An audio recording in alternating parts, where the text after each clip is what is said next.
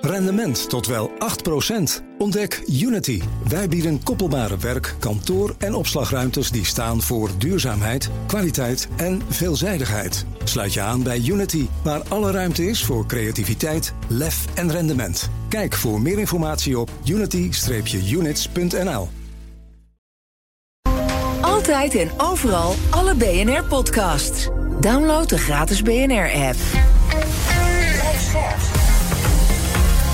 BNR Nieuwsradio. BNR breekt. Ivan Verrips. Goedemorgen en welkom. Vanaf half twaalf praat ik over het nieuws van de dag. Over het belangrijkste deel van de Europese klimaatmaatregelen. Definitief goedgekeurd. Lidstaten hebben ingestemd met wetten van Eurocommissaris Frans Timmermans. Die zorgen dat we uiteindelijk meer gaan betalen aan de pomp voor vliegtickets en ook bij de energierekening. En we hebben het over bevrijdingsfestivals. De 14 nationale gratis bevrijdingsfestivals luiden de noodklok. Als er geen extra geld bij komt, dreigen in meerdere provincies de gratis festivals om te vallen. Hoe erg zou dat eigenlijk zijn? In mijn panel vandaag. Iris Vergeer, voorzitter van Dwars. Goedemorgen. Goedemorgen. De GroenLinkse Jongeren. En Joris Hetterscheid, voormalig voorzitter van de Jonge Democraten. Goedemorgen. Goedemorgen. Fijn dat je er bent. We gaan beginnen met... BNR breekt. Breekijzer. En de breekijzer heeft te maken met... Allereerst is mijn naam Willem-Alexander. Het is gewoon één naam. Uh, en dan met name om de roepnaam Alexander. Uh, aan de andere kant, uh, ja, je bent geen nummer. Uh, Willem 4 ja, staat naast Bertha 38 in de wijn. Nee, maar je bent dan toch Willem. Ja, Willem, die is uh, morgen jarig. 56 kaarsjes blaast hij uit. Daarmee viert hij ook zijn uh, tienjarig jubileum als koning. En dat mogen wij allemaal meevieren, want het is een nationale vrije dag. Een feestdag. En ja, dat koningschap de afgelopen tien jaar... het gaat niet helemaal over rozen. Met spijt in het hart richt ik mij tot u. Onze reis naar Griekenland heeft bij heel veel Nederlanders... hevige reacties opgeroepen. Het doet pijn uw vertrouwen in ons beschaamd te hebben. We zijn betrokken, maar niet onfeilbaar. En er ging op zich wel meer mis. Met name die reis dus van het koninklijk gezin... heeft er vandaag de dag voor gezorgd... dat de populariteit van de koning op een lager peil staat dan bij zijn aantreden. Minder dan de helft van de Nederlanders is nog voor een monarchie. Maar ja, wat is dan het alternatief? Een republiek? En gaat dat ons dan meer opleveren en minder kosten? Of ja, wat hebben we er eigenlijk aan? Ons breekijzer vandaag is... Liever een monarchie dan een republiek. Ik ben heel benieuwd hoe jij erover denkt. Is dat een uh, goed idee om dat te gaan doen? Heeft het weinig zin om een uh, ja, monarchie in te wisselen voor een republiek? Vind je misschien zelfs dat de functie van de koning onvervangbaar is... en dat het een goed visitekaartje is voor het buitenland? Dus leven de koning. Of misschien ben je het uh, met de stelling oneens... en ja, denk je dat de koning en de monarchie zijn langste tijd wel gehad heeft... en is dit nu echt niet meer uit te leggen waarom één familie zoveel macht heeft... en moeten we dat toch echt anders gaan doen? Maar ja, hoe dan en wanneer? 020 468 4 keer 0 is ons telefoonnummer. Ons breekijzer, liever een monarchie dan een republiek. Als je nu belt, kom je zo meteen bij me in de uitzending. Nog één keer het nummer 020 468 4 keer 0 Je kan ook reageren via onze Instagram-pagina. Daar heten we BNR Nieuwsradio. Maar het leukste is als je even belt, dan kom je zo in de uitzending. Zometeen hoor je hoe Joris en Iris erover denken. Maar ik begin bij Daniela Hooghiemstra. Zij is historicus en schrijft uh, stukken over onder andere het Koningshuis, onder andere in NRC. Goedemorgen, Daniela. Goedemorgen. Liever een monarchie dan een republiek, wat vind jij? Uh, ja, nou ja, god, uh, op zich natuurlijk liever een republiek in deze tijd. Uh, dat, is, dat past veel beter bij, bij de tijd. En dat is natuurlijk ook in veel andere Europese landen hebben ze die weg ook bewandeld. tegelijkertijd ja, is Nederland nu eenmaal een land dat, dat veel waarde altijd heeft gehecht aan die monarchie. En is het ook nog wel wat om het af te schaffen. Dus um, het is niet zo dat ik echt uh, zeg maar vandaag wil gaan demonstreren om, uh, om, om de monarchie af te schaffen. Dat nee. uh, zo, zo niet. Maar ik zie wel veel. ik zie eigenlijk elke keer wel weer veel haken en ogen aan het systeem. Ja, en als je rationeel kijkt, is het natuurlijk een beetje een gek huis wat we aan het doen zijn met elkaar, toch? Dat hele sprookje. Ja, eigenlijk wel een beetje, ja. ja. Okay. Nou, laten we er zo verder over praten, ook over de details. Uh, hoe zou het anders kunnen bijvoorbeeld? Doe eerst een rondje in mijn panel. Hier is ons breekijzer. Liever een monarchie dan een republiek. Wat vind jij? Uh, ik vind de monarchie inderdaad ook een behoorlijk achterhaald concept. Het idee dat je zoveel macht hebt alleen maar omdat je uit een bepaalde familie uh, komt. Mm -hmm. En ik denk ook dat het heel veel geld kost. Dat we beter aan, aan andere zaken zouden kunnen besteden. En, dit, en het loont ook niet genoeg, denk jij? Want je kent ook de verhalen van ja, ze gaan dan op uh, staatsbezoek naar het buitenland. Dan reizen er allerlei bedrijven mee. De koning, dat opent deuren, dat zorgt voor nieuwe investeringen. Of ben je daar niet van overtuigd? Ja, ik denk eigenlijk dat, dat een president dat uh, dat op die manier ook zou moeten kunnen. En, en, als je kijkt naar uh, vorig jaar was het de vies van ja, we, we gaan collectief armer, armer worden, ja. zei ons minister van Financiën. En vervolgens kreeg het Koningshuis er een half miljoen bij uh, op een begroting van, oh ja, het is nog steeds een beetje onduidelijk hoeveel geld er nou echt naartoe gaat, ja. maar iets van 50 miljoen. Ja, 70. Uh, dat, dat, is heel bizar. En ook morgen dat de gemeente Rotterdam daar weer 4 miljoen euro aangeeft. Mm -hmm. En dan gaan ze langs uh, de allerarmste wijken van Nederland, waar 20% onder de armoedegrens leeft. Dat vind ja. ik gewoon een nogal bizar idee dat de rijkste familie van Nederland dan, dan, dan daar even hooi komt zeggen. Ja, maar of dat nou met een pre president per se goedkoper zou zijn, dat kan goedkoper natuurlijk, maar die gaat ook niet in een rijtjeshuis wonen op driehoog achter. Nee, maar uh, ja, al die paleizen, al die kosten aan de hele ja. familie. Het is heel goed dat Amalia nu heeft gezegd van ja, die, die, die omkosten. Ja, uh, dat, dat, dat hoeft niet. Maar zulke dingen zijn natuurlijk heel bizar. En dat zou voor de kinderen van de president natuurlijk niet gelden. Oké, okay. dan gaan we naar Joris, ons breekijzer vandaag. Liever een monarchie dan een republiek. Wat vind jij? Ik ben eigenlijk wel voor. Ja? Ja, dus mensen, mensen, misschien niet verwachten. Ik ben een van de weinige uh, JD'ers die, nog, uh, die ergens nog, uh, nog een beetje voor is, ja, volgens mij. Waar komt dat vandaan? Hoe kan dat? Nou, ik vind het eigenlijk wel een heel mooi, mooi systeem. Een soort saam, voor saamhorigheid in ons land. Je hebt uh, polarisatie in de politiek. En dan is de koning iets wat, wat, wat eigenlijk blijft. Wat, wat, wat, ja, wat, wat al de jaren is. En die, die kan zorgen voor een soort saamhorigheid in het land. En ik vind dat heel belangrijk. Ja. Doet hij dat goed naar jouw idee? Um, ik denk dat het een stuk beter kan. Maar ik denk wel dat het belangrijk is dat je, dat je een soort institutie hebt die, dat, die daarvoor kan zorgen. Maar ik ben ook mee eens dat het achterhaald is. En dat er dingen moeten veranderen. Ja, um, ja het kost veel geld. Ik, denk, ik, ik geloof wel echt wel dat je dat uh, deels terugverdient. En als je straks een republiek hebt, is het niet zo dat je die kosten niet meer hebt. Want uh -huh. die paleizen en zo, dat zijn uh, veelal rijksmonumenten. Die moeten ook onderhouden worden. Dus dat, dat kost ook gewoon heel veel geld. Misschien kan Prins Bernard die overnemen dan verkameren en dan verhuren. Maar dat is een andere kwestie. Um, laten we zo meteen verder praten. Uh, Daniela, eerst eventjes, Iris noemde het net al, macht. De koning heeft macht. Wat is nou eigenlijk, ja, een beetje een gekke vraag misschien... maar, maar staatsrechtelijk de rol van de koning... behalve zijn handtekening regelmatig zet. Dat, het is een beetje uitgespeeld, toch? Ja, ja er is, uh, ik denk dat als het echt gaat om politieke macht van de koning, dat die. Uh, dat was in de tijd van Beatrix, was daar nog wel discussie over. Omdat ze um, zichzelf als het ware had, eigenlijk had ingevlochten zeg maar, in het staatsrecht. Dus ze, ze had echt veel contacten met. met uh, ze was ook geïnteresseerd in, de, in alles wat met de staat te maken had. Ze kende de dossiers goed. Ministers werden echt door haar overhoord, als het ware. dus ja, dan speel je natuurlijk ook al. Doe je dan niet echt een, een actieve uh, heb je geen actieve bemoeienis, je speelt toch een rol.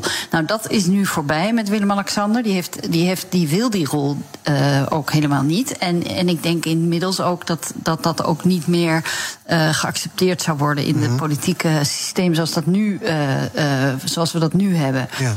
Maar wat is zijn functie dus dan nu eigenlijk? Is er niet. Een stabiele kracht in de, in de regering? Of, ja. Ja, dus, dus inderdaad, ik denk dat wat, uh, wat net genoemd werd, dat samenbindende, dat is echt zijn rol. En, maar dan is natuurlijk de vraag hoe, uh, hoe uh, oefen je die functie van verbinder uit? -hmm.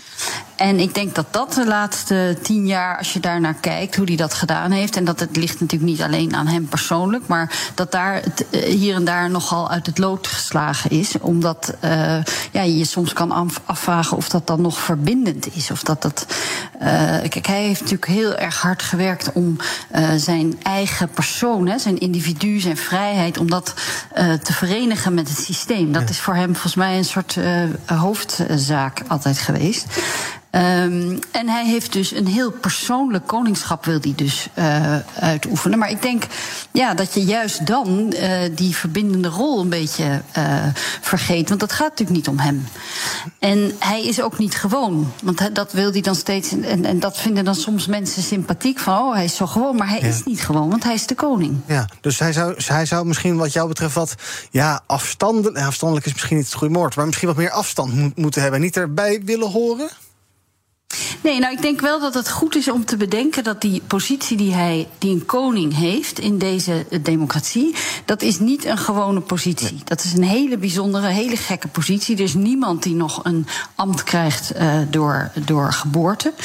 Uh, dus hij is heel bijzonder. En um, als je daarvan uitgaat, dan moet je vervolgens kijken hoe kunnen we die bijzonderheid dan uh, een rol laten spelen in, in als, als verbindend element. Mm -hmm. okay. Maar dan moet je volgens mij niet gaan de hele tijd van die troon af willen komen en de hele tijd gaan zeggen: kijk, hier ben ik en ik ben zo gewoon en het gaat. Ik ben gewoon Willem-Alexander ik ben geen nummer. Ja, hij is natuurlijk wel een nummer. Ja, iets meer afstand zou misschien wel goed zijn. Oké, we praten zo verder. Ik ga naar onze bellers. 020 468 4 keer 0 Ons breekijzer. Liever een monarchie dan een republiek. Even kijken wie er het langst aan de telefoon hangt te wachten. Allard, goedemorgen. Hallo? Hallo, zeg het maar. Ja, goedemorgen. Alle zijn uh, hier. Ja, nee, ik ben het niet eens met de stelling. Uh, monarchie afschaffen, wat mij betreft, uh, gisteren nog. Ook historisch perspectief. Nederland is altijd een republiek geweest. Pas na Napoleon is het een koningshuis geworden. En ja, uh, inderdaad, uh, een beroep uitoefenen op basis van erfelijkheid, ja, dat is ten principale en vind ik dat niet bij deze tijd uh, horen. Nee. En een president kun je wegsturen. Ja, en een koning niet. Nee. Duidelijk, dank voor het bellen. Alfred, goedemorgen. Ja, goedemorgen. Um, om te beginnen wil ik vooropstellen dat ik erg blij ben dat we in een koninkrijk wonen. Mm -hmm. En ik moet er niet aan denken om de koning te zijn, want die man heeft een onmogelijke positie. Die kan het helemaal nooit goed doen. Nee.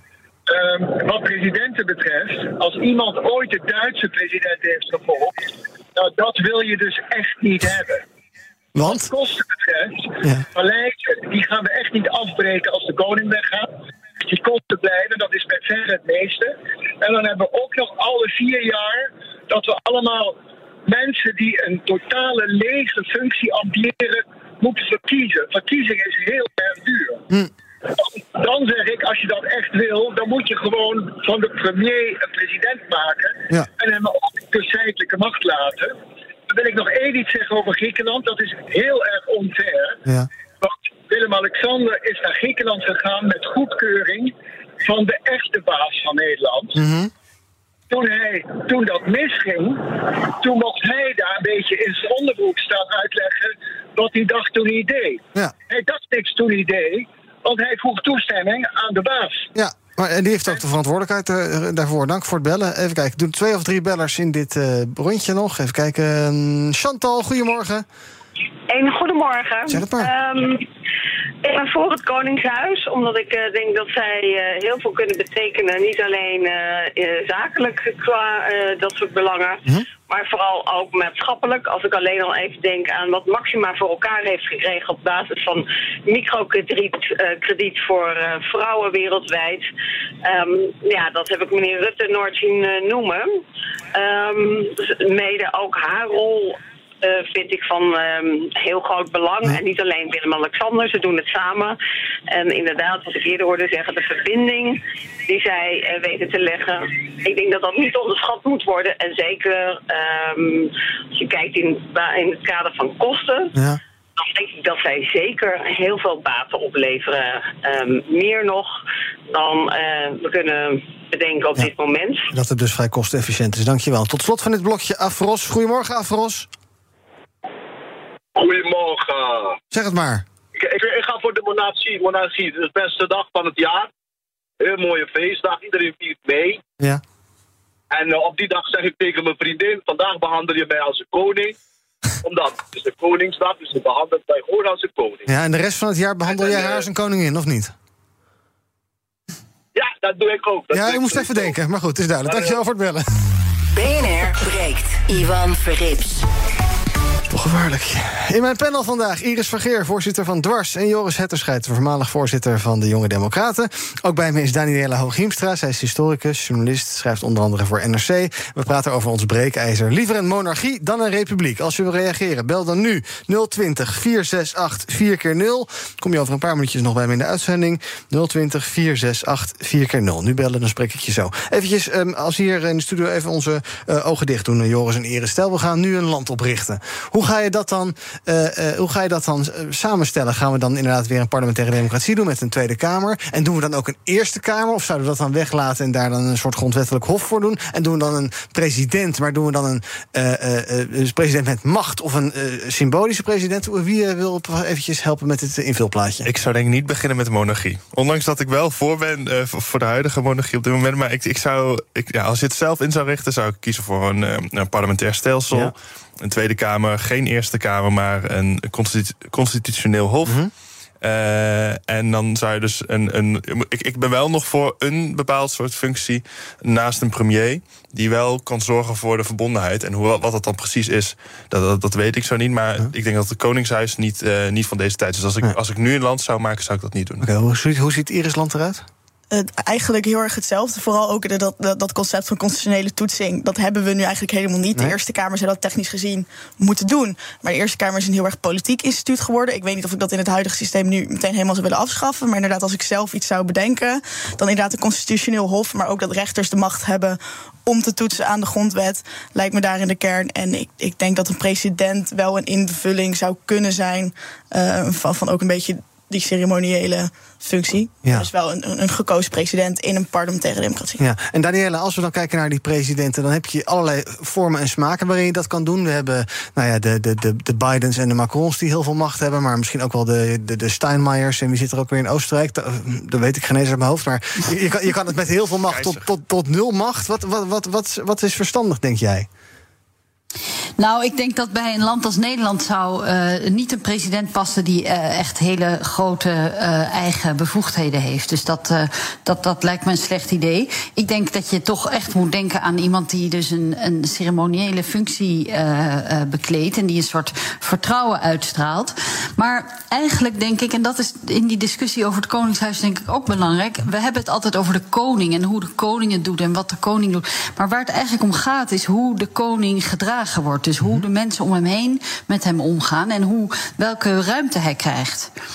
En, dus, en ook bij een president zou het er natuurlijk op neerkomen dat het, eh, die, die persoon is natuurlijk dan wel belangrijk, maar het gaat er natuurlijk vooral om hoe je hem laat functioneren. Uh-huh. Het instituut of, of, de, of de uitvoerder van Ja. het instituut. Oké. Ja, dus dat je, de- het is dus belangrijk dat als je, en zeker bij een koning, die dus toch eh, een zo bijzondere figuur is, hè, door, omdat hij dus de enige is die door geboorte daar zit, is het heel belangrijk dat de omgeving eh, heel zorgvuldig daarmee omgaat en heel goed kijkt naar van wat, mogen, wat kan hij wel doen, wat kan hij niet doen. En je kunt hem dus niet vrijlaten, daar komt het eigenlijk op neer. En ik denk dat daar de essentie van het probleem zit. Dat nou juist Willem-Alexander natuurlijk komt uit een tijd. Ik bedoel, dat, is, dat begrijpen we natuurlijk allemaal. Dat die vrijheid heel belangrijk is. En want iedereen wil vrij zijn eh, tegenwoordig. Hè? Ik bedoel, vroeger was dat nog wat anders. Maar eh, die vrijheid is zo vanzelfsprekend dat hij wil en vrij zijn en koning zijn. En ik denk dat dat heel moeilijk is. Ja. En zijn opvolger wordt hoogstwaarschijnlijk eh, kroonprinses Amalia. Dat is een eh, jonge vrouw die studeert. Ja, we bespraken eerder al, het is erfopvolging, het is niet meer van deze tijd. En eigenlijk hoe langer je wacht, hoe minder het van deze tijd wordt. Ja, moeten we het haar nog wel aandoen, deze, de- deze gouden kooi? Ja, het- ik denk eigenlijk van niet. Eh, tenminste, ja, eh, als ze mijn dochter was, om maar even zo te zeggen, zou ik dat echt niet willen. Want het, het, het lijkt me echt verschrikkelijk. En je ziet ook dat op, op dit moment is natuurlijk de marketing hè, van de persoon is ontzettend belangrijk met al die sociale media en zo. En ik zie ook dat Willem-Alexander Maxima daar heel erg in mee zijn gegaan. Dus die zijn echt helemaal op die trein van de persoonsmarketing gestapt. Nou, dat lijkt me voor een meisje van 18 lijkt me dat gewoon eigenlijk een. eh, ja, als je, als je dat niet. Ja, daar, daar kan toch eigenlijk geen mens tegen, lijkt me. Nee. Eh, en als je dan ziet dat, dat, dat, dat je dan dat hele leven nog moet leiden. Dat je nog. Je moet nog een man vinden of een vrouw, ik weet niet. Maar eh, je moet nog al die dingen doen. En als dan elke keer heel Nederland staat mee te kijken. Ja, dat, dat, dat kun je toch eigenlijk niemand aan. Ja. Joris, gaat het denk je ooit veranderen, re- realistisch gezien? Want ja, er is wel wat voor nodig, grondwetswijzigingen en dergelijke. Het is heel lastig. Ja, het, Het, kan, het eh, kan, maar ja, gaan er ooit meerderheden voor komen? Ik denk dat dat nog heel lang gaat duren, eerlijk gezegd. Ik denk dat echt, want je moet de hele grondwet aanpassen. Nou, dat, dat kost super lang. Je moet als eerst, dan heb je eerste termijn, tweede termijn. Ja, dan moet, dan moet je wachten tot er een, nieuw, eh, een, een nieuwe parlementssamenstelling is. Ik denk dat het echt, dat het echt niet dichtbij is. Ehm, helaas voor Amalia, want ik ben het helemaal eens wat, eh, wat- er wordt gezegd Mhm. over dat we het Amalia niet aan moeten doen. René, goedemorgen. Hallo, goedemorgen. zeg het maar. Ah, veel is al gezegd. Veel is al gezegd. Dus eh, ja, ik wil het dan toch even houden bij een stukje democratisch eh, beginsel zoals we dat in Nederland hebben, hebben opgericht. En waar jullie net ook over hebben gehad. Eh, een koningshuis is verre van transparant. eh, met een persvoorlichting en alles erop en eraan. Ja, vanuit het democratisch oogpunt vind ik dat echt onbegrijpelijk dat we, dat, dat ergens ooit zo in, het, in de historie gegaan is. Kijk, een president, of, of ja, hoe je hem ook zou willen noemen, met wat voor macht eh, dossiers die heeft, ja, die kun je wel in de, één keer in de vier jaar, één keer in de acht jaar wegstemmen. En met deze, met deze familie niet. Dus ik begrijp ook werkelijk waar niet waarom we dit maar in stand blijven houden. Dit, dit sprookje. Hè? Ik bedoel, ja, het is misschien flauw, maar als ik een sprookje wil beleiden, dan ga ik naar Kaatsheuvel. Ja, en ik vind dit ook, hè, buiten het geld, ik, ik, ja, ik, vind het, ik, ik vind het bizar dat, we, dat we dit nog, eh, nog steeds doen. Ja, zou Willem-Alexander wel eens in de Efteling zijn geweest? Een soort sprookje in een sprookje. Jan, goedemorgen. Goedemorgen, Ivan. Nou, als ik moet kiezen, dan ben ik het ja, toch wel enigszins eens met eh, de stelling. Dan zou monarchie beter zijn, maar dan voornamelijk om de reden dat ehm, ja, eh, het, het aanzien van een, een koning of een koningin straks wellicht, hè, ehm, internationaal voor. Een betere instandhouding voor internationale relaties, internationale betrekkingen kan zorgen. En ook voor de handel wat meer kan betekenen. Maar dat gezegd hebbende vind ik een monarchie toch wel een hopeloos verouderd instituut. En hoe het tot stand is gekomen ooit vroeger, dat is natuurlijk niet omdat eh, de koningen van nu destijds zo goed waren, of hun voorouders zo goed waren voor hun eh, onderdanen. Maar voornamelijk door roverijen, moorden, veldslagen en vechtpartijen. Ja, maar toch wel bijzonder wat je zegt. Het is hopeloos achterhaald, maar misschien moeten we, we moeten toch maar houden.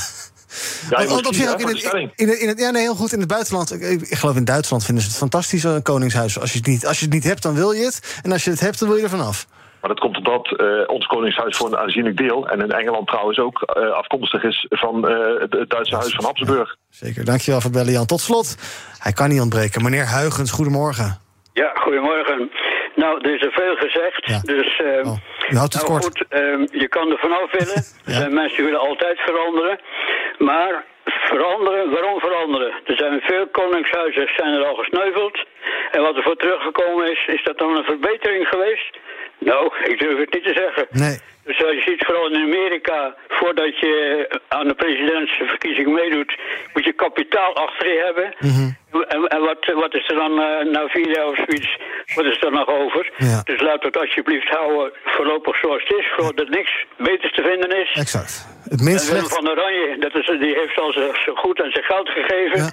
En zijn nakomelingen dus moeten wel een beetje uitkijken wat ze doen. Maar ze weten dat ze voor de in de wieg gelegd zijn. En ze hebben best adviseuren die ze een beetje moeten behoeden. Wat gaat u morgen doen met Koningsdag, meneer Huigens? Want ze zitten op je te kijken. Wat gaat u morgen doen met Koningsdag? Eh, lekker thuis zitten. Heel goed. Ja, er is geen BNR break, dus u moet toch ja, iets... Ja, Ja, helaas. Ja, maar goed, ja, ze moeten ook even tijd hebben. ja, dat is waar. Belt u misschien vrijdag weer, ja? Ja, ja Oké, oké. tot dan. Nou ja, dat weet ik niet. Hangt van het onderwerp af wat, wat, wat, wat, Ja, dat zien we vrijdag wel. Meneer dus. dank u wel voor het bellen. Iris, tot slot. Eh, ja, Joris wil het eh, toch wel houden, een beetje tegen wil en dank. Ehm, wat is eh, nou het beste moment om, dit, om dat Koningshuis af te schaffen? Want we leven in een onrustige samenleving momenteel... met heel veel vraagstukken. Overheid die eigenlijk maar een ja, beperkt oplossend vermogen heeft... voor al die vraagstukken. Is dit nou het moment om te zeggen... weet je wat, volgend jaar stoppen we er eens mee? Of moeten we dat toch iets, iets geleidelijker doen misschien? Nou ja, op dit moment is de koning denk ik ook niet een grote hulp als het gaat om al die vraagstukken. Ik zou het, eh, het geen raar moment vinden eh, dat Amalia straks het stokje gewoon niet, meer, niet meer overneemt. Als je ziet inderdaad de invloed die het nu op haar leven heeft, dat is bizar. Ja. En als je kijkt naar die verbindende functie, ja, als, als minder dan de helft van de Nederlanders eh, dat systeem support, wat voor verbinding is er, is er Ja. dan nog. Dus ik zie niet echt in waarom alle problemen die er nu, inderdaad- nu inderdaad zijn. En bovendien is het, is, het voor de, is het voor de premier alleen nog maar een extra probleem. Want die is verantwoordelijk voor het privéleven Ja, van een gezin. Ja, dat is, dat is een soort extra verantwoordelijkheid die al helemaal nergens op slaat. Dus ik, eh, ik zie geen reden om het niet te doen nu. Ik noteer, we stoppen ermee na Willem-Alexander. Dan geven we eh, Amalia een soort ja, overgangsregeling. Want die kan je natuurlijk niet zomaar in, ergens in een woonwijk neerzetten. Dus dan schalen we dat langzaam af. En als we dat nu gaan regelen, dan is dat op tijd geregeld. Dank, eh, ja, je zal het er niet mee eens zijn, Joris Merle, Pottemer. Danielle Hooghiemstra, dank dat je bij ons was. Historicus, journalist, schrijft onder andere voor NRC. Onze breekijzer vandaag. Liever een monarchie dan een republiek. Toen ik voor het laatst keek op onze Instagram-pagina... was een meerderheid daarmee oneens. Maar voor de volledigheid, en ook omdat ik jullie niet wil bedonderen... zal ik nog even kijken naar de laatste tussenstand. Ik zie daar een kleine 60% oneens. Op onze eerste Instagram-pagina kan je nog de hele dag reageren. Ga ik zo meteen praten met mijn twee panelleden... met Joris en Iris over de voorjaarsnota. Daar gaan we vandaag meer over horen. En naar verluid gaat minister van Financiën Kaag de broekriem aanhalen. eindelijk. En we gaan het hebben over eh, ja, klimaatmaatregelen. Waarschijnlijk horen we vandaag meer van Jette over uh, Haagse klimaatmaatregelen. Aanvullend om allerlei doelstellingen te halen. En ook heeft het Europees Parlement besloten dat er uh, nieuwe regels worden aangenomen. Die gaan bijvoorbeeld als het gaat om ja, meer betalen voor bijvoorbeeld brandstof, voor energie, voor vliegen, dat soort zaken. Zometeen in het tweede deel van BNR Break. Tot zo. Rendement tot wel 8%.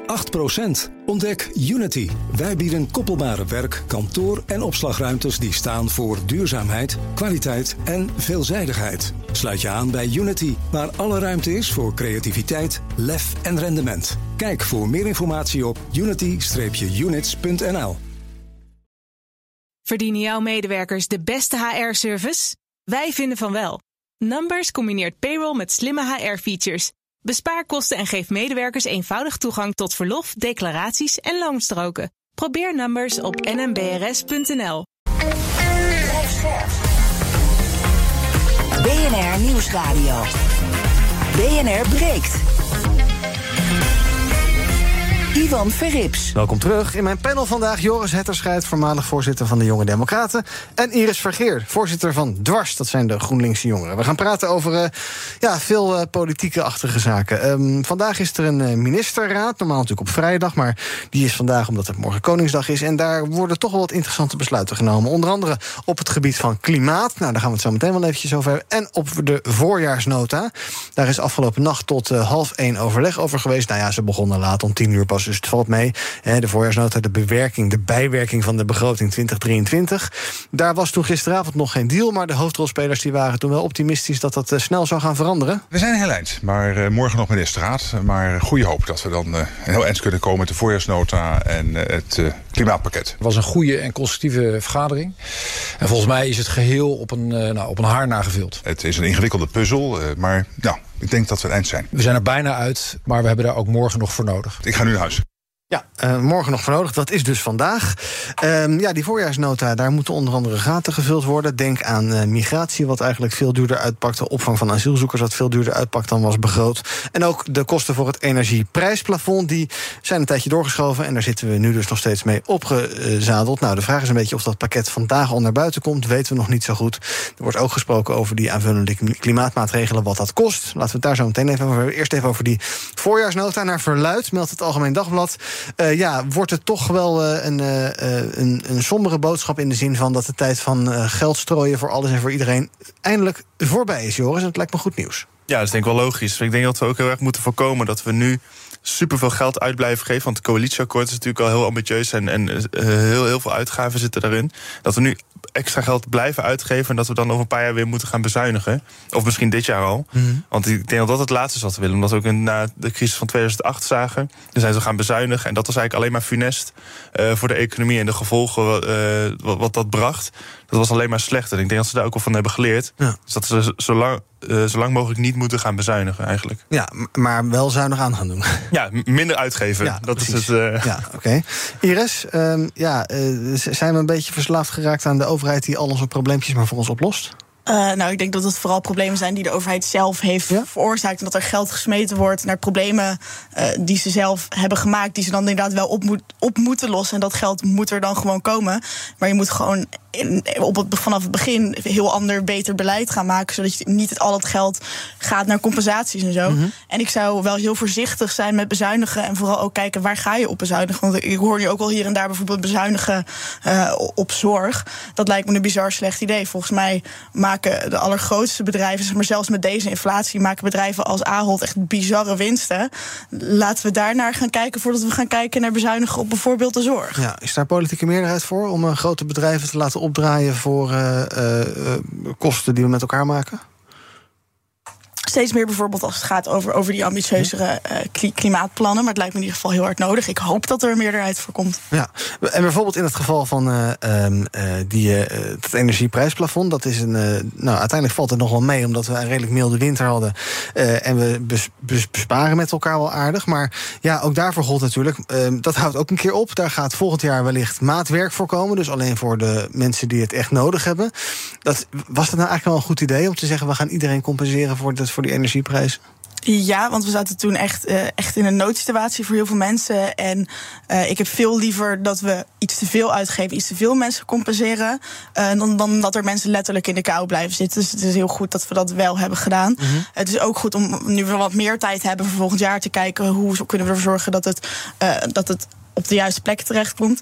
Maar überhaupt ook dat maatwerk. Het zou gewoon niet nodig moeten zijn uh, dat mensen met een, die gewoon werken, die normaal inkomen uh, zouden moeten hebben, ja. hun energierekening niet kunnen betalen. Ja, dus maar als de energieprijzen ontploffen, daar heeft Rutte toch ook geen invloed op?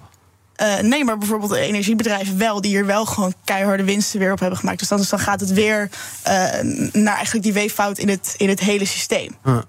Joris, ik geloof dat inmiddels via de NOS al uitlekte dat uh, er, er wordt, voor wordt gekozen om het eigen risico niet te verhogen. Dat was ook nog een tijdje een uh, ja, verhaal dat rondging van ja, we gaan nog eens wat uh, geld bij het eigen risico doen. Verstandig idee? Ja, heel verstandig. Ik denk dat, dat je echt niet kan maken om nu de eigen risico te gaan verhogen. Nu alles al zoveel duurder wordt en iedereen eigenlijk veel minder overhoudt. Ik doe, nou ja, ik zelf, ik, ik, ik, ik geef denk twee keer zoveel uit aan, aan boodschappen, terwijl ik hetzelfde koop. Het, het, het is echt, het, alles wordt voor iedereen duurder. En om dan ook nog het eigen risico omhoog te gaan gooien, dat, dat kan echt niet. Ik denk dat juist dat je moet kijken hoe kun je.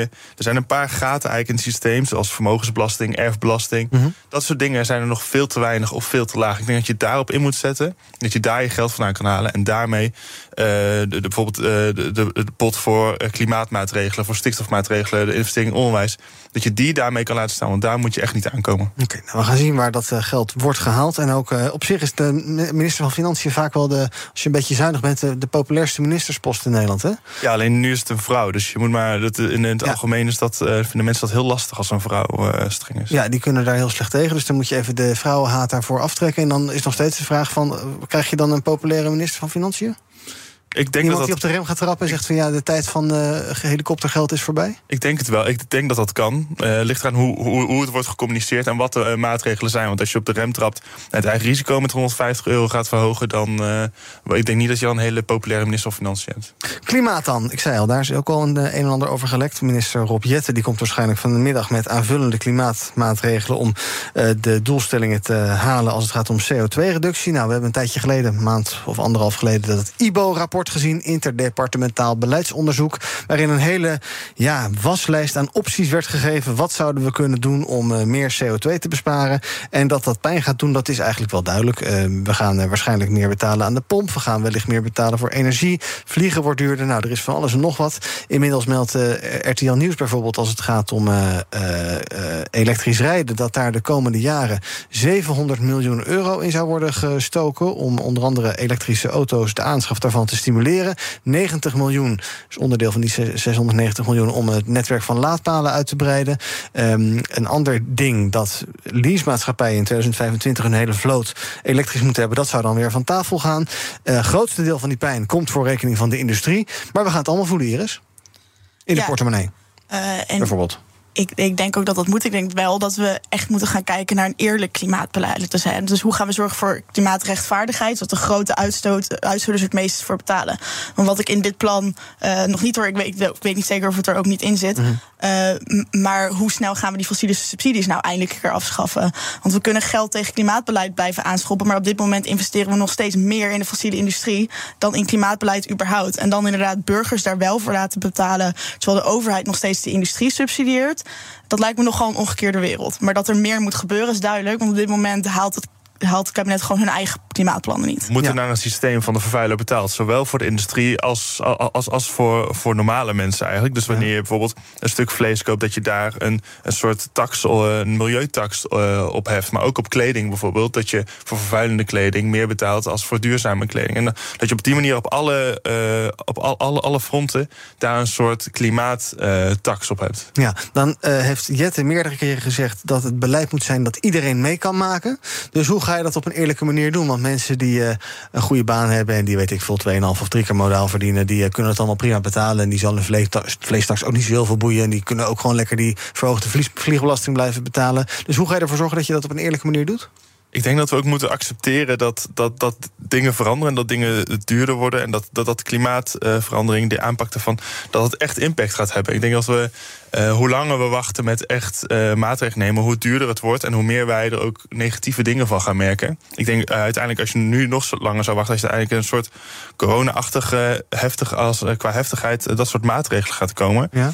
Maar ja, je moet gewoon nu zorgen dat, je, dat ja, iedereen mee kan maken. Ja, dat is altijd zo natuurlijk. Maar, ja, maar hoe ga je dat regelen dan? Want dat vliegen niet alleen maar uh, voor uh, de allerrijkste wordt. De eerlijke prijs. De, nu is het zo dat... Uh, en dat er mensen buiten de boot vallen, dat zal gebeuren. Ja, dat is zo. Maar dat is, dat is heel vervelend. Je moet eigenlijk zorgen dat, dat de treinen daarmee goedkoper worden en toegankelijker. Dat Nee. mensen die eigenlijk zouden gaan vliegen met de trein kunnen gaan. Dat je gewoon opties hebt. Ja.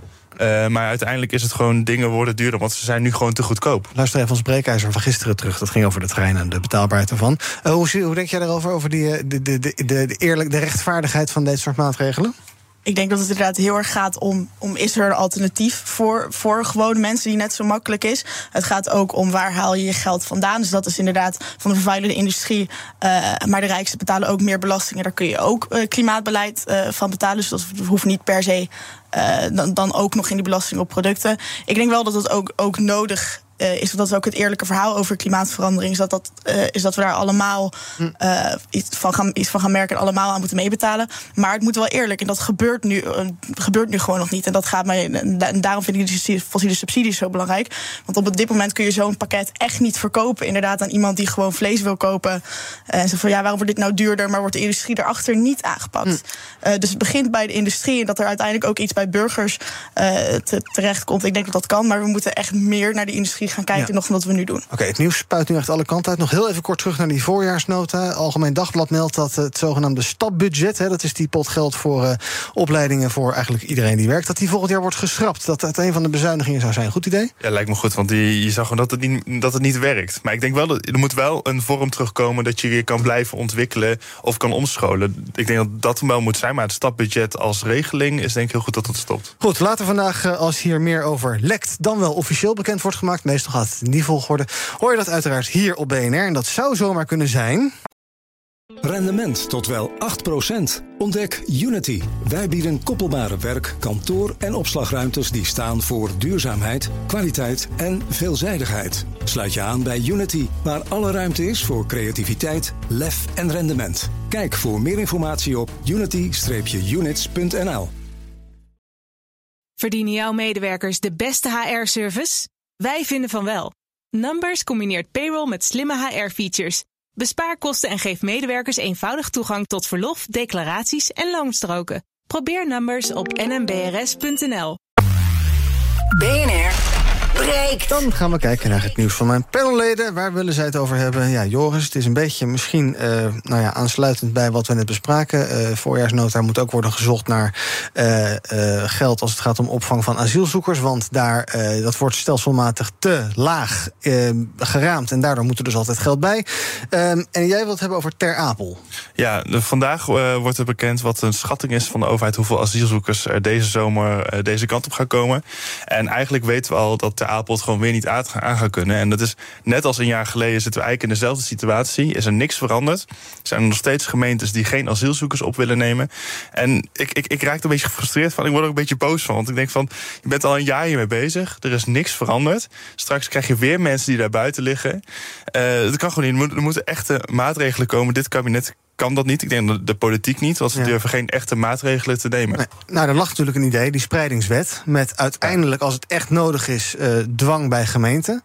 Maar die is er nog steeds niet. Nee, op zijn vroegste voorjaar 2024. Ja. Dus dat, is, dat duurt gewoon veel te lang. Je hebt nu het, het, het systeem dat je binnenkomt, dat je daarna die procedures ja. door moet, duurt veel te lang. Mensen kunnen niet doorstromen naar een woning. Uiteindelijk zit alles in elkaar verweven. Uh, en ik, ze zijn blijkbaar niet in staat om het op te lossen. Maar je moet gewoon nu echt voor zorgen dat mensen niet meer buiten hoeven te liggen. Dat die mensen binnen kunnen komen. Dat, ze, dat er dan worden, kan worden gekeken of ze mogen blijven. En dan zo ja. snel mogelijk, als ze niet mogen blijven, weer terug kunnen. Ja, maar dan moeten die bedden wel zijn. Die zijn er niet. Dus nee, hoe gaat het, is die spreidingswet de best mogelijk, de, de minst slechte oplossing op dit moment? Ja, ja ik denk ja. echt dat, dat, dat de uh, landelijke overheid tools moet hebben om gemeentes te kunnen dwingen. Omdat nu heb je gemeentes die al 10, 12 jaar geen asielzoekers opnemen. Ja, en dan schakelen we de gemeenteraad even uit en zo, wat die ervan vinden. Nou ja, het is je- we hebben geen keuze. Die mensen moeten we ergens kwijt. En er zijn gemeentes die echt super al eh, hun best doen. Ik zag het Nijmegen. Er komen volgens mij weer 5000 eh, eh, plekken bij. Eh, die, die gemeentes die doen veel. En je hebt andere gemeentes die niks doen. Dat, dat kan gewoon niet. Want we zitten gewoon met een heel groot humaan probleem in ons land. En dan moet er een soort crrisisoplossing zijn. En dat is die eh verspreidingswet. Wat mij boos maakt is dat we nu ook een premier hebben die daar nu niet alles aan doet om wat op te lossen. Maar eigenlijk nu al heeft toegegeven en heeft gezegd: ja, waarschijnlijk gaan er deze zomer weer mensen buiten slapen. En dat is, dan, en dat is dan gewoon zo. Nee, als dat zo is, dan ga je dag en nacht er keihard aan werken voor te zorgen dat dat niet gebeurt in een land zo rijk als Nederland. Maar je hebt het idee dat die urgentie een beetje weggezakt is. Die urgentie, hij heeft letterlijk gezegd dat die urgentie er niet is. Het is ook schandalig dat Artsen zonder Grenzen hier vorig jaar was. En dat, dat, dat dit, dit kwam net naar Rutte. Dan denk ik van, oh ja, dat is allemaal prima. Terwijl dat is echt... Ik denk dat dat de, de grootste belediging is die je kan krijgen als premier... dat Artsen zonder Grenzen in je eigen land actief wordt. Ja, nou dan gaan we wachten tot we weer de beelden zien van die mensen daar buiten. En dan gaan we weer heel verontwaardigd zijn met elkaar. En dan gaat het feestje zich helemaal vanaf het begin af aan weer. En dan vindt Rutte het weer heel erg. Dan gaat hij er ook niet langs. Iris, eh, jij wil het hebben over een eh, interessante uitspraak van de rechter. Die stelt eigenlijk voor het eerst de staat aansprakelijk voor onrechtmatig handelen tegen toeslagenouders. In een civiele zaak, schrijft de Volkskrant. Ehm, en ik geloof dat eh, Pieter Omtzigt, die natuurlijk een soort ja, leeuw is als het om dit onderwerp gaat, die ziet het als een hoopgevende ontwikkeling. Wat is hier aan de hand? Ja, dat, ik denk ook dat het een hoopgevende ontwikkeling is. Het gaat er dus om, je hebt nu eh, die hele hersteloperatie... dat loopt allemaal via, via de overheid. Maar dit is dus een civiele zaak van die mensen tegen de overheid... waarin ze om schadevergoeding vragen. En de onrechtmatige daad is juridisch gezien...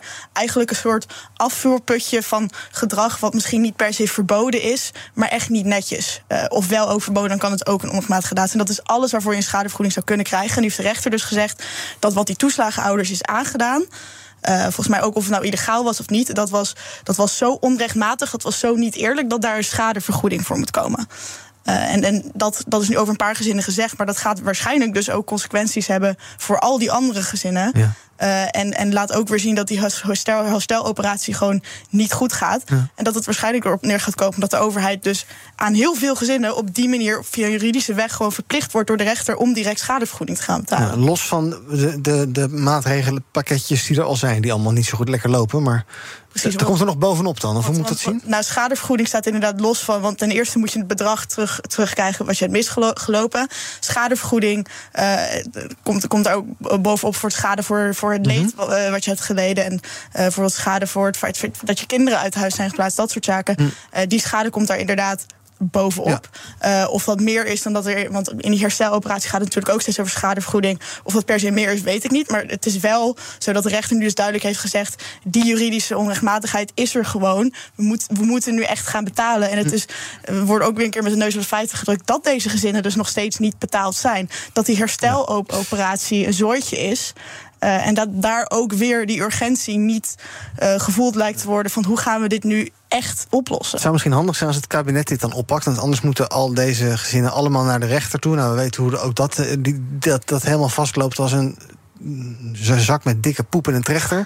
Dus ja, Ja, het zou dat zijn als er misschien niet. proactief even wordt opgepakt. En want dit zal een motivatie zijn voor heel veel gezinnen om het inderdaad te doen. En er ligt nu wel een precedent, dus dat, dus dat gaat makkelijker. Mhm. Maar eh, liever dat de overheid gewoon snel echt iedereen die schadevergoeding betaalt. Zoals de rechter dat nu ook gezegd heeft. Dan inderdaad dat elk gezin via de rechter dat moet gaan halen. Gaan we even kijken wat er trending is. Ja, sinds ongeveer anderhalf uur is Paul van Vliet trending. De cabaretier is overleden, 87 jaar. Ik heb mijn hele leven in de wijnhandel gezeten, maar oorspronkelijk was ik voorbestemd om priester te worden. Dat was traditie in mijn familie. Mijn vader was priester. Typetjes. De reacties die zijn uh, alomtegenwoordig op internet. Bijvoorbeeld van premier Mark Rutte. Die schrijft op Twitter... de man met de mooiste stem van Den Haag en heel Nederland is overleden... na een leven lang leuke dingen voor de mensen. Hij was meester van de taal en timing... en zo blijft hij in onze herinnering. Ik wens zijn nabestaanden veel sterkte. En uiteraard iedereen die iets met hem heeft, die uh, reageert daarop. Eredivisie is trending. Het kan zomaar zijn dat je ESPN-abonnement kan opzeggen... want een samenwerkingsverband van KPN, Vodafone Ziggo, T-Mobile en Delta... heeft de sportzender namelijk overboden. De kabelaars willen jaarlijks 200 miljoen betalen voor de rechten. Deal van 10 jaar gaat dus ja om 2 miljard. Hashtag Koude Koningsdag is trending. Het wordt namelijk uh, koud morgen. Kouder dan uh, Nieuwjaarsdag zelfs. Zo slecht dat weervrouw Rosemarijn Knol zich een beetje zorgen begint te maken. Koningsnacht die gaat wel helder en uh, droog verlopen. Maar het gaat wel behoorlijk koud worden. Tijdens de Koningsnacht, vooral in het binnenland, zelfs kans op een graadje vorst. Overdag zien we op de weerkaarten toch al wat regengebieden dichterbij komen. Dus ik hou een beetje mijn hart vast. Moeten we vaker doen zo'n weerbericht in BNR Breekt. Vind het wel leuk eigenlijk. Uh, tot slot, uh, morgen dus Koningsdag. Dat is die ene nationale feestdag. Dan hebben we daarna nog Bevrijdingsdag. En vandaag luiden de 14 nationale bevrijdingsfestivals de noodklok. Want als er geen extra... Ik wil ooit een noodklok hier in de studio hebben hangen. Dat als er berichten zijn over noodklok... Dat, dat, is altijd iets als iemand dat de noodklok uh, luidt. Als er geen extra geld komt... dan dreigen in meerdere provincies de gratis festivals te vervallen. Ja, we hebben het net gehad nou ja, over bezuiniging en dergelijke. hoe belangrijk is het dat wij uh, dat, dat er gratis uh, bevrijdingsfestivals zijn. Waarom zou je daar niet gewoon wat voor betalen? Ik denk dat het wel heel belangrijk is. Ik denk dat 5 mei de dag is dat we onze vrijheid vieren. En dat moet je dan ook met z'n allen kunnen doen. Ik vind het eigenlijk belachelijk dat het geen nationale feestdag is. Dus wat mij betreft ook even terug naar de monarchie-discussie. Maak 5 mei de uh, nationale feestdag, mm -hmm. zodat iedereen dat kan vieren. En juist omdat die festivals gratis zijn, kan iedereen daarheen. Of je een, een kleine bus of, uh, of veel geld hebt. Ja. Dat allemaal niet uitmaakt. Dus ik denk dat dat heel erg belangrijk is, ook voor, voor die saamhorigheid en het vieren van de vrijheid. Ja. En dat je dan de hoofdprijs voor bier moet betalen, dat is dan terzijde. Ja, en maar dat, ja, ik, ik, ik, ik ga daarheen en ja. ik, ik ga daar ook bier kopen, omdat ik dat ja. festival ook wil steunen. Maar als je, echt, als je echt geen geld hebt, dan neem je je eigen drinken mee en dan, dan kun je toch uh, genieten van zo'n festival. Ja. ja, die festivals die zeggen: we hebben natuurlijk de coronacrisis gehad, inflatie en dergelijke, zorgt allemaal voor zware tijden in de evenementenbranche. Uh, ook uh, kosten. nou ja, het is allemaal heel ingewikkeld. Bevrijdingsfestivals worden georganiseerd door de Stichting 4 en 5 mei, hebben dus geen winstoogmerk. Ja, daar moet gewoon geld bij, Iris. Dat bedoel, moet mevrouw Kaag dan toch nog maar even weer wel de portemonnee trekken, ook hiervoor? Zeker. Want we, want we hebben net geconstateerd dat deze samenleving alles oplost graag als het kan. Het, het gaat om inderdaad om, om, een feest over vrijheid en democratie. Dat is bij uitstek iets waar iedereen aan, aan moet mee kunnen doen, wat toegankelijk moet zijn. En als je dan kijkt, als het de gemeente Rotterdam ook lukt om 4 miljoen uit te geven aan Koningsdag, ik zou dat geld dan liever naar zo'n bevrijdingsfestival geven. Omdat ik dat nou echt een feest van verbinding en echt een feest voor iedereen uh, vind. Uh, meer dan een feestje van de monarchie. Morgen dus Koningsdag, wat ga je doen? Ik ga naar een festival in, uh, in Den Bosch. Waar, in Den Bosch dus, oké, okay, daar kunnen we jou tegenkomen. Iris, wat ga jij doen? Ik zit de hele dag in de trein, ik ga op vakantie naar Wenen. Heerlijk. Heel veel zin in. Lekker. Alexander von der Bellen heet de president van Oostenrijk trouwens. Ja, mocht je hem tegenkomen, dan kan je hem aanspreken. Ik zal je zeggen. Dank voor jullie aanwezigheid vandaag. Morgen dus geen uh, BNR breekt, maar overmorgen wel. Dan uiteraard de politieke editie met Nina van den Dungen. En zometeen is uh, Thomas van Zel hier met zaken doen. En uh, ja, vandaag op BNR dus al het nieuws over die aanvullende klimaatmaatregelen. En ook de voorjaarsnota. Het begint zometeen al met zaken doen met Thomas van Zel. Rendement tot wel 8%. Ontdek Unity. Wij bieden koppelbare werk, kantoor en opslagruimtes die staan voor duurzaamheid, kwaliteit en veelzijdigheid. Sluit je aan bij Unity, waar alle ruimte is voor creativiteit, lef en rendement. Kijk voor meer informatie op unity-units.nl.